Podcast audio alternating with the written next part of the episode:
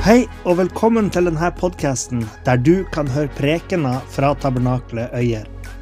Vi håper det du hører her, vil være til oppbyggelse for det, og at det kan være til hjelp med å lede det til sannheten om Jesus. Hvis du ønsker å finne ut mer om oss, kan du gå inn på hjemmesida vår på tabernakletoyer.no.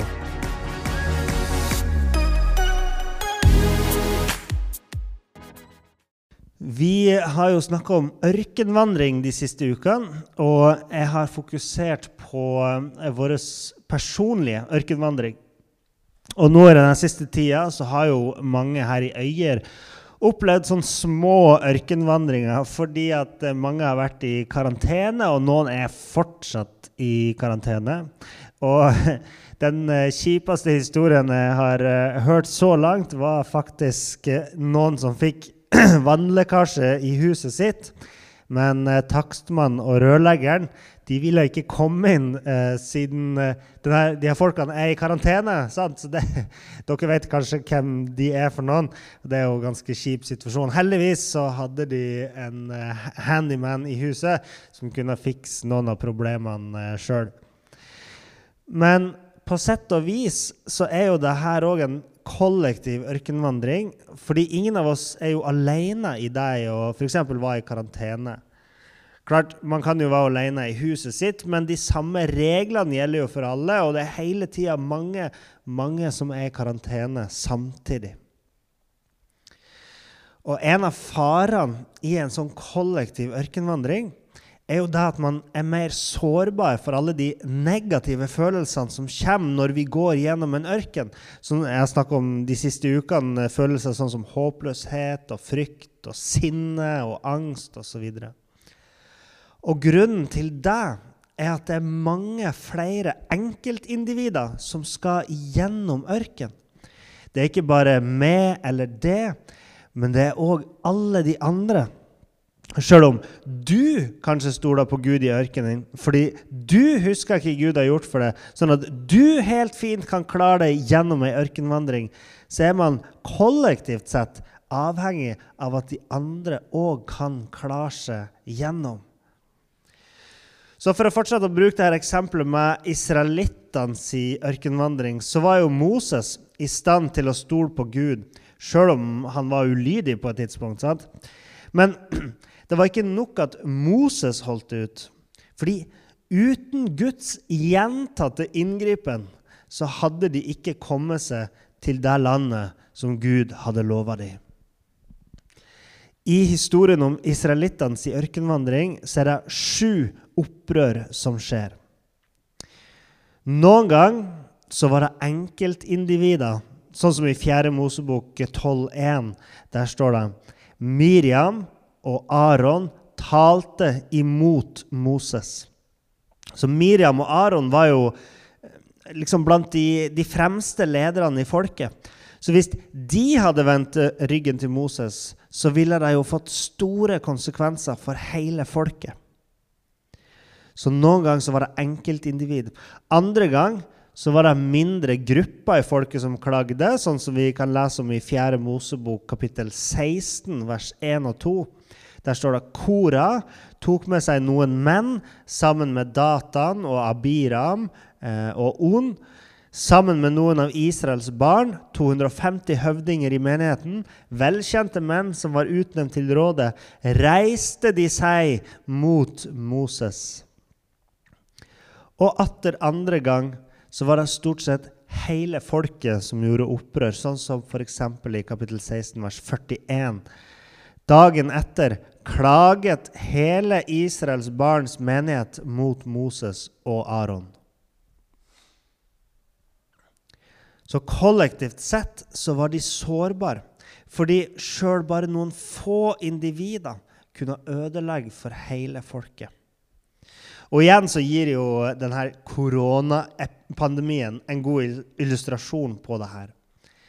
Kollektivt sett så er vi avhengig av ledere som klarer å manøvrere oss igjennom det her på en god måte, uten at folket gjør opprør mot dem. Men vi er òg avhengig av at folket gjør det de kan for å forhindre spredning av smitte. Fordi Sjøl én enkelt person kan spre smitte til mange mange mennesker og starte et stort utbrudd i en by eller bygd hvis han eller hun er uforsiktig. sant? Og Vi har jo fått et eget ord for det her, eh, for sånne personer. Vi kaller de superspredere, som høres mer ut som sånne svære vannspredere som bønder bruker. Men en superspreder er da de som sprer eh, masse smitte. Men den gruppa som jeg tenker på når jeg snakker om kollektiv ørkenvandring, er jo menigheter. I menigheter er vi ikke bare avhengig av ledere som stoler på Gud, men på at hele menigheten går sammen med Gud. Og fellesskapet er sårbart. Fordi enkeltpersoner og grupperinger kan skape splittelse i ei menighet. Og hvis det skjer, når menigheten er i ei tørketid, så kan det føre til at ørkenfølelsene tar overhånd og ødelegger menigheten. Og faren er større for at det skjer når man som menighet går gjennom en vanskelig periode. Og Jeg vet ikke om dere husker at jeg snakka om denne overlevelseseksperten Bear Grills. Eh, men Bear Grills han klarer seg fint i ørkenen. Men jeg er ikke sikker på at det hadde gått like bra hvis han hadde tatt med seg hele menigheten sin på tur. Da, da kan det hende det blitt litt mer vanskelig og kanskje litt splittelser der. Men poenget er i en kollektiv ørkenvandring så er vi mer utsatt for splittelser og destruktive holdninger. I en kollektiv ørkenvandring er vi mer utsatt for splittelser og destruktive holdninger. I den første tida i kirka, i, i, helt i begynnelsen, så opplevde de ei kollektiv ørkenvandring fordi at de ble ganske raskt utsatt for forfølgelse utenfra. Og Det er det mange menigheter som opplever fortsatt. Og, og sånne forfølgelser er jo noe som gjerne påvirker hver enkelt troende òg. Da israelittene var i ørken, så kjente hver enkelt på kroppen at de var i, i en ørken. Lite mat, lite drikke, eh, mye varme. Det var tørt. Hardt liv for hver enkelt. sant? Og de her ytre faktorene kan skape lidelse ved at de fremprovoserer uønskede følelser som forverrer ørkenvandringa, sånn at ørkenen blir enda varmere og enda tørrere. Så, ei, så en eh, kollektiv ørkenvandring kan komme av ytre og indre påvirkning. Men la meg prøve å gi et annet perspektiv på den kollektive ørkenvandringa. At menigheter kan gå gjennom ei tørketid uten at man nødvendigvis opplever ei ørkenvandring på individnivå. Det kan godt hende at hver enkelt av oss har det helt fint, mens menigheten går gjennom en ørken. En sånn ørken oppstår ved det som skjer i oss mennesker. Parallellen til israelittene er jo eh, når den ytre ørkenvandringa var over, altså når de hadde kommet fram til det lovede landet, og alt så ut til å være bra. Da glemte de Gud. Og de drev med avgudsdyrkelse, og de tok etter de andre folkeslagene sine kulturer og tradisjoner.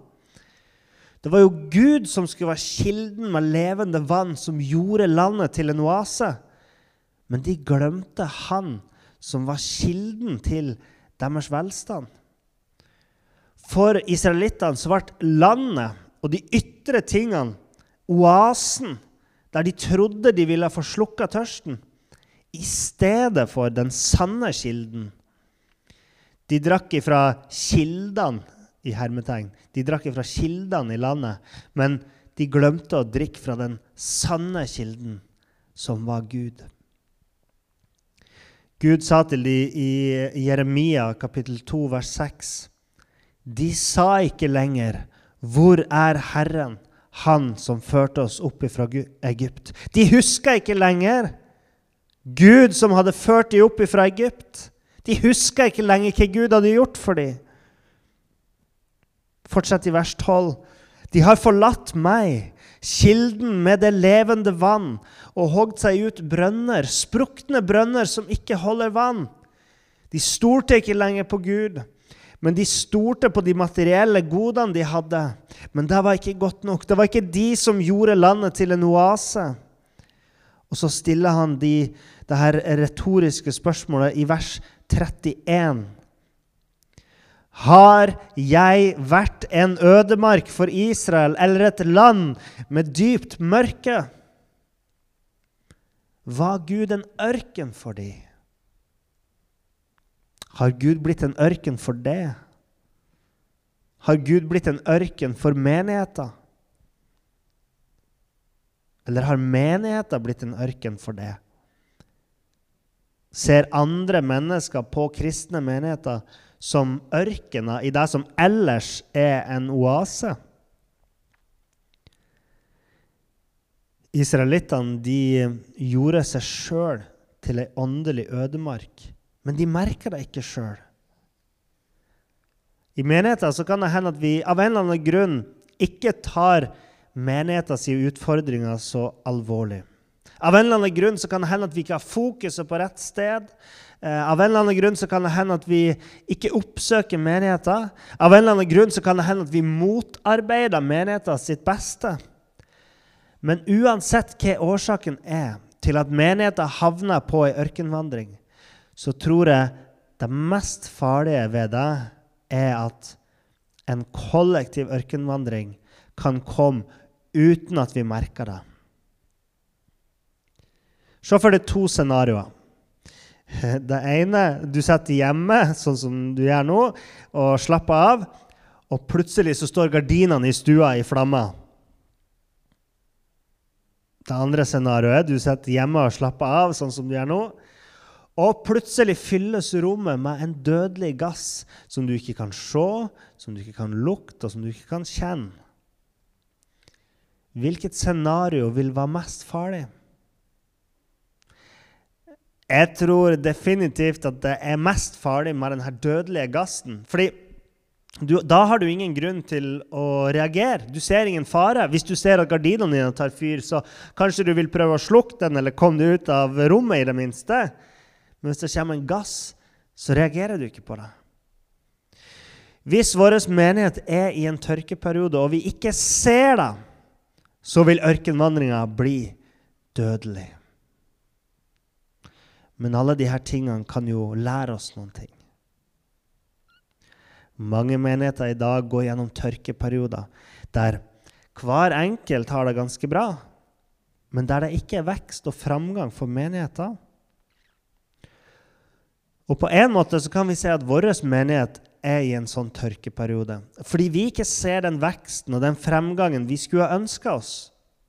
Dåpsbassenget er jo stort sett ganske tørt. Jeg har det stort sett veldig bra, og du har det kanskje stort sett bra. Men betyr det at vi som fellesskap har det bra? Ikke nødvendigvis. Du vet, Når israelittene var i ørken, så klagde de i hvert fall. De var ikke helt apatiske til den tilstanden de var i, sjøl om det kanskje gikk litt langt noen gang. Og jeg sier ikke at de tok gode avgjørelser med å klage og gjøre opprør, og sånt, men de reagerte i hvert fall på omstendighetene. Så jeg mener ikke at vi skal syte og klage, men at vi trenger å gå til kilden. Vi trenger Han som er kilden, som gjør menigheten til en oase i ørkenen. Vi lever ikke i ei tid som er ment for å spare opp det lille vi har, og leve på strenge rasjoner. Men vi lever i ei tid der Guds rike er her, der vi kan høste der Gud har sådd. Vi lever i en tid der vi skal se at Gud gir frukt iblant oss. Vi er kalt til å være menneskefiskere. Så hva gjør vi når vi er i en kollektiv ørkenvandring? Hvis vår menighet går gjennom en ørken, så vet jeg at da trenger vi evnen til å se det vi trenger evnen til å håndtere både de ytre og indre påvirkninger som holder oss i ørken. Vi trenger evnen til å bekjempe fristelsen til å være en splittende og destruktiv påvirkning på menigheten. Vi trenger evnen til å se at vi er i en ørken. Vi trenger evnen til å håndtere påvirkningene som holder oss der. Vi trenger evnen til å bekjempe fristelsen til å gjøre ørken til et enda verre sted å være. Hvis vi er på en kollektiv ørkenvandring, så vet jeg at jeg må komme igjennom. Du vet sikkert at du må komme deg gjennom. Men så er det denne viktige tingen. Kanskje den viktigste tingen er at du må huske på. Og det er at vi skal komme oss gjennom sammen. Det er ikke sånn at, uh, at vi skal komme ut i ørkenen og så skal vi splittes og gå hver vår vei. Men vi skal gå gjennom der sammen. Noen gang så må min tro være sterk nok til å bære det til vannkilden. Og noen gang så er det din tro som må være sterk nok for å bære med til vannkilden. For vet du hva? Menigheten er en oase i ørken.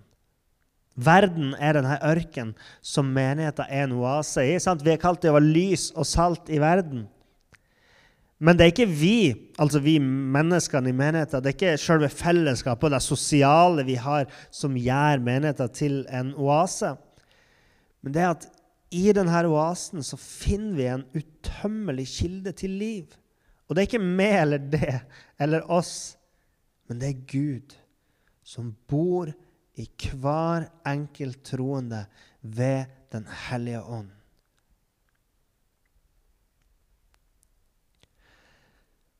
Jeg begynte denne serien med å spørre hvorfor kommer du til menigheten? Hvorfor er du i menigheten? Hvorfor har du lyst til å være her?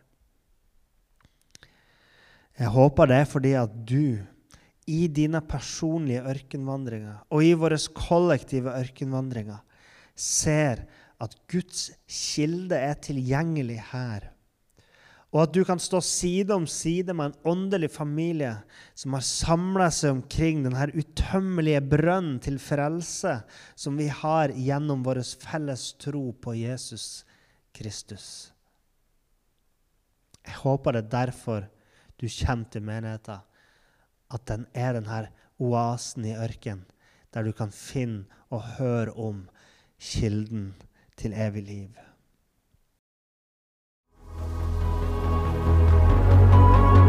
Takk for at du hørte på.